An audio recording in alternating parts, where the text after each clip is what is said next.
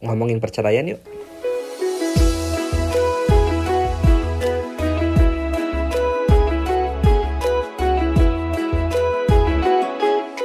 Assalamualaikum warahmatullahi wabarakatuh.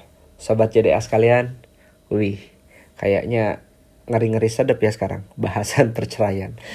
Ya ini hmm, di satu sisi kita penting sih untuk memahami hal ini gitu ya. Biar kita tuh jadi lebih bijak dalam hal menyikapi uh, perceraian itu seperti apa.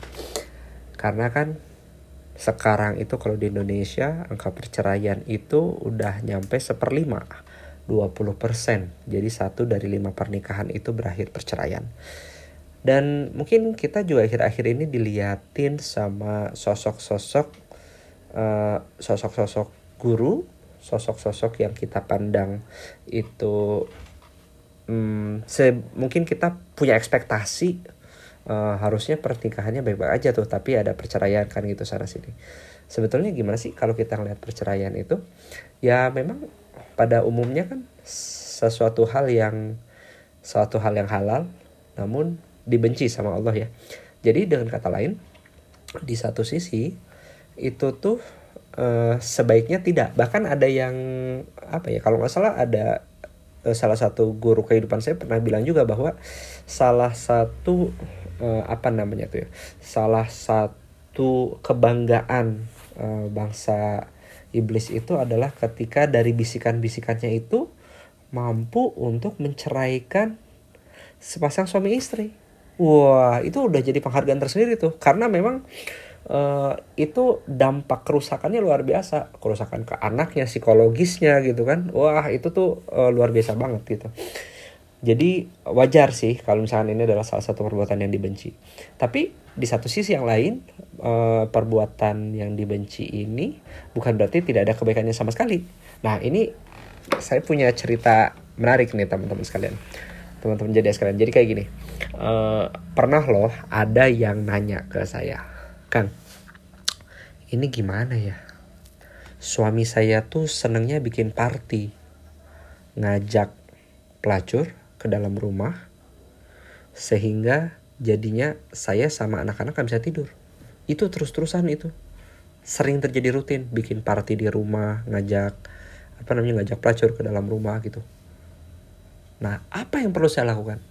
Teman-teman sekalian, kalau kondisinya kayak gini, Menurut Anda kira-kira gimana? Bagus bertahan gak terus-terusan? Enggak. Ini udah gak sehat. Kalau kayak gini udah gak sehat, ngapain dipertahankan? Ya enggak? Nah, maka kalau misalkan dari yang saya amatin gitu, yang saya pahamin, uh, perceraian itu ada pada dasarnya adalah untuk itu gitu. Atau dengan contoh lain gini deh. Kang, saya sedang di KDRT sama suami saya sering banget itu udah rutin banget saya di ya dipukul gitu. Itu udah sering banget. Saya perlu gimana dong? Ya kalau bertahan dalam kondisi kayak gitu itu adalah sebuah kebodohan menurut saya. Karena itu sudah membahayakan jiwa dan raganya kan. Ya nggak? Jadi kayak gitu gitu. Nah terus batasannya apa dong buat kayak gini. Nah jadi teman-teman sekalian kalau teman-teman ngedengar kayak gini sih harapan saya teman-teman terutama bukan dalam kondisi lagi dalam pertimbangan aduh cerai gak ya cerai gak ya cerai gak ya bukan ya. Jadi uh, bukan dalam hal seperti itu. Ini bagusnya sih memang uh, kita dengerin kalau dalam kondisi baik-baik aja gitu ya. Uh, kondisi baik-baik aja dan bukan dalam kondisi pertimbangan eh ini aku kayaknya lagi pertimbangan cerai cerai gak ya cerai gak ya cerai gak ya. Kemudian ngedengar kayak gini dan kemudian aku cerai nah kalau bisa jangan secepat itu kalau buat anda anda yang mungkin kondisinya lagi seperti demikian ya. Apalagi kalau misalkan anda kondisinya lagi emosian sama pasangan ngedengar ini terus jadi dalih uh saya berlepas tangan dari situ ya. Sekali lagi saya berlepas tangan dari sini gitu. Kalau misalkan buat anda yang misalkan mau cari pokoknya pikir panjang-panjang gitu ya. Apakah kalau misalkan anda mau melakukan perceraian itu itu adalah sesuatu yang sifatnya uh, membawa kebermanfaatan membawa kebaikan untuk banyak orang. Nah termasuk gimana sih kebaikan dan kebermanfaatan? Standarnya seperti apa sih? Nah ini yang saya pahami dan saya pelajarin ya. Jadi saya beberapa kali itu mempelajari mendalami salah satunya dari nonton uh, YouTube-nya Ustadz Khalid bahasa lama saya wow banget gitu kayak dapat batasan jelas gitu. Kalau misalkan dari sisi saya gitu yang saya pahami uh, ketika itu sudah membahayakan akidah kita itu dipersilahkan untuk bercerai. Salah satunya apa? Membahayakan akidah itu ketika pasangan itu melakukan dosa besar. Nah di zaman sekarang teman-teman sekalian kita itu seolah-olah mengecilkan sebuah dosa yang sebetulnya dianggap dosa besar di mata Allah. Yaitu adalah zina salah satunya ya zina zina tuh. Ya kan sekarang bahasa-bahasa sekarang diperhalus banget ya. Uh, kayak riba tuh yang dosanya itu Allah siap memerangi pihak-pihak yang riba. Eh diperhalus istilahnya sama istilah bunga kan gitu. Jadi kesannya gimana? Termasuk kayak zina tuh diperhalus banget. Kayak ada istilah apa tuh? Pernah dengar tuh saya lagu yang namanya lagu tuh kalau salah lagu judulnya kalau salah dosa terindah atau gimana gitu. Kan memberikan kesan gimana gitu? Dosa terindah ya itu buat hubungannya kayak selingkuh buat gimana kan itu seolah-olah diameliorasikan gitu kan diindah-indahin gitu. Padahal nggak indah sebenarnya. Kalau misalkan mau lihat dosa terindah tuh saya bisa gampang banget itu ngekonter kayak gitu. Punten ya punten. Uh, ini saya hanya kasih satu contoh aja gimana secara saya mengkonter dosa terindah itu. Punten. Di Jepang itu per, saya pernah baca kalau nggak salah ada seorang koki yang bikin uh, makanan itu bahan dasarnya dari mohon maaf sekali feses manusia. Terus dikasih plating yang indah gitu. Pertanyaannya anda mau makan nggak? Kotoran terindah itu. Ih meskipun dibilang terindah ya tetap aja kotoran. Ya kan? Normalnya kita kan pasti nggak mau makan itu. Nah jadi kalau kita memandang jijik gitu meskipun disebut-sebut terindah tapi itu, itu kotoran.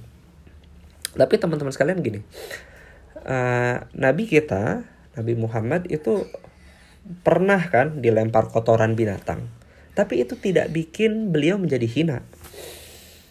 Iya, meskipun secara fisiknya tersentuh, kena zat yang hina seperti itu, tapi itu tidak bikin beliau menjadi hina gitu.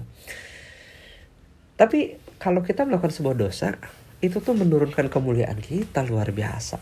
Jadi sebetulnya kalau kita memandang sebuah dosa tuh kayaknya kita perlu memandang lebih jijik daripada kotoran. Betul?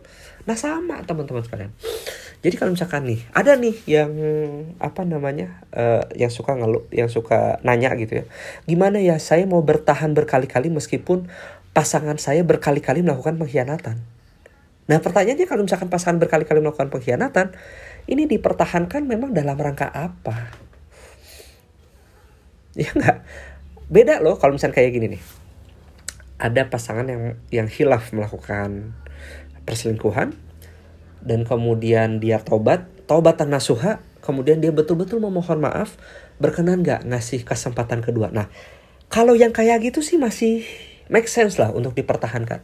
Tapi kalau misalkan ya itu tuh kayak udah jadi hobi gitu, kayak nggak ada apa ya rasa-rasa bersalahnya dan dilakukan terus-terusan berulang-ulang. Pertanyaannya, ini kalau dipertahankan emang bagus buat anak? Kan nggak juga. Ya kan? Nggak juga. Jadi eh, kalau misalkan terus-terusan terjadi pengkhianatan itu bahaya.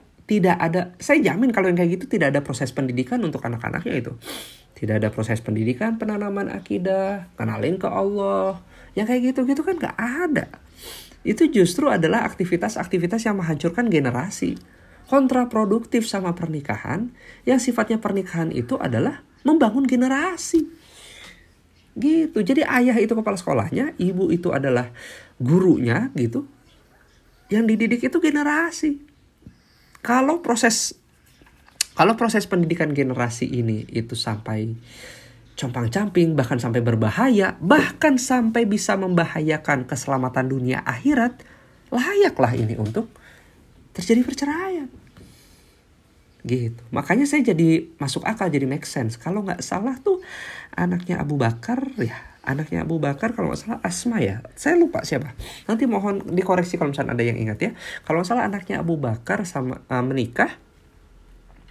Dan tidak ada masalah apa-apa. Cuman Abu Bakar melihat dan menilai loh kok ini sepasang suami istri ini jatuh cintanya luar biasa ya. Sampai-sampai menjadi kekhawatiran Abu Bakar itu adalah, aduh ini bahaya banget ini kalau mereka jatuh cinta lebih daripada cinta sama Allah.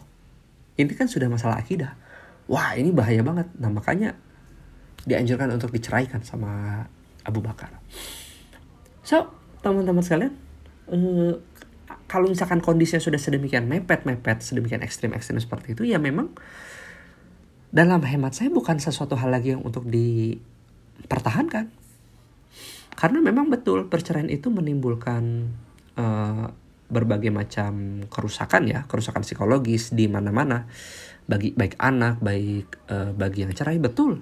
Tapi kalau misalkan mempertahankan dengan kondisi yang juga jauh lebih membahayakan, ini bahaya banget. Better prepare untuk hal-hal yang sifatnya menyelamatkan akidah, ya, menyelamatkan uh, keselamatan dunia akhirat itu alangkah lebih baiknya itu dilakukan gitu. Karena balik lagi tadi dalam kondisi normal itu jangan buat dipikir-pikirin jangan buat dipakai buat ngancam-ngancam cerai jangan. Karena perceraian itu ibaratnya kayak emergency exit ya. Kalau gedung nih pada umumnya gedung kan kita naik ke gedung itu biasanya kita naik lift ya jarang banget kita pakai emergency exit kecuali kalau misalkan ada kebakaran ada apa nah itu baru kita pakai jadi kalau buat segala sesuatu hal yang sifatnya mengancam jiwa dan raga dan itu sudah sangat-sangat jelas bukan lagi sebuah prasangka-prasangka, ya bismillah. Semoga itu juga adalah kebaikan. Nah, maka ini sahabat-sahabat semoga membawa kebermanfaatan, membawa manfaat. Dan kenapa sih tadi ya, buat yang sehat, buat yang pernikahannya sehat gitu, ini bagus buat didengar. Ya bagusnya karena buat prevensi dan juga buat jadi juga saling mengingatkan satu sama lain. Pasanganku, suamiku, istriku, uh, salah satu dosa besar itu adalah dosa zina jika engkau melakukan zina nah ada opsi ini yang bisa ku ambil nah salah satu kan itu ya bisa seperti itu dan termasuk juga balik lagi tadi mau cerai mangga dengan kondisi seperti demikian. Uh, namun kalau misalkan suami pasangan ya bukan cuma suami sih ya pasangan ya suami atau istri sudah betul-betul bertobat mau betul-betul mau jauh lebih baik lagi memaafkan pun juga adalah pilihan insya Allah. Jadi demikian sahabat-sahabat kalian uh, tentu kalau misalkan dirasa kurang holistik teman-teman boleh uh, buka lagi referensi-referensi yang mungkin bisa lebih baik. Dan sekali lagi ya buat teman-teman yang mungkin kondisinya lagi emosian lagi kesel lagi galau sama pasangan please jangan hanya sekedar gunakan uh, referensi ini ya podcast ini buat jadi dalih. Oke okay, saya ceraikan aja. No no no no, no. jangan seperti itu. Ya uh, kalau bisa anda juga uh, simak discuss sama orang yang ada pandang bijak di orang di sekitar Anda. Semoga bermanfaat, membawa uh, kebermanfaatan. Wassalamualaikum warahmatullahi wabarakatuh.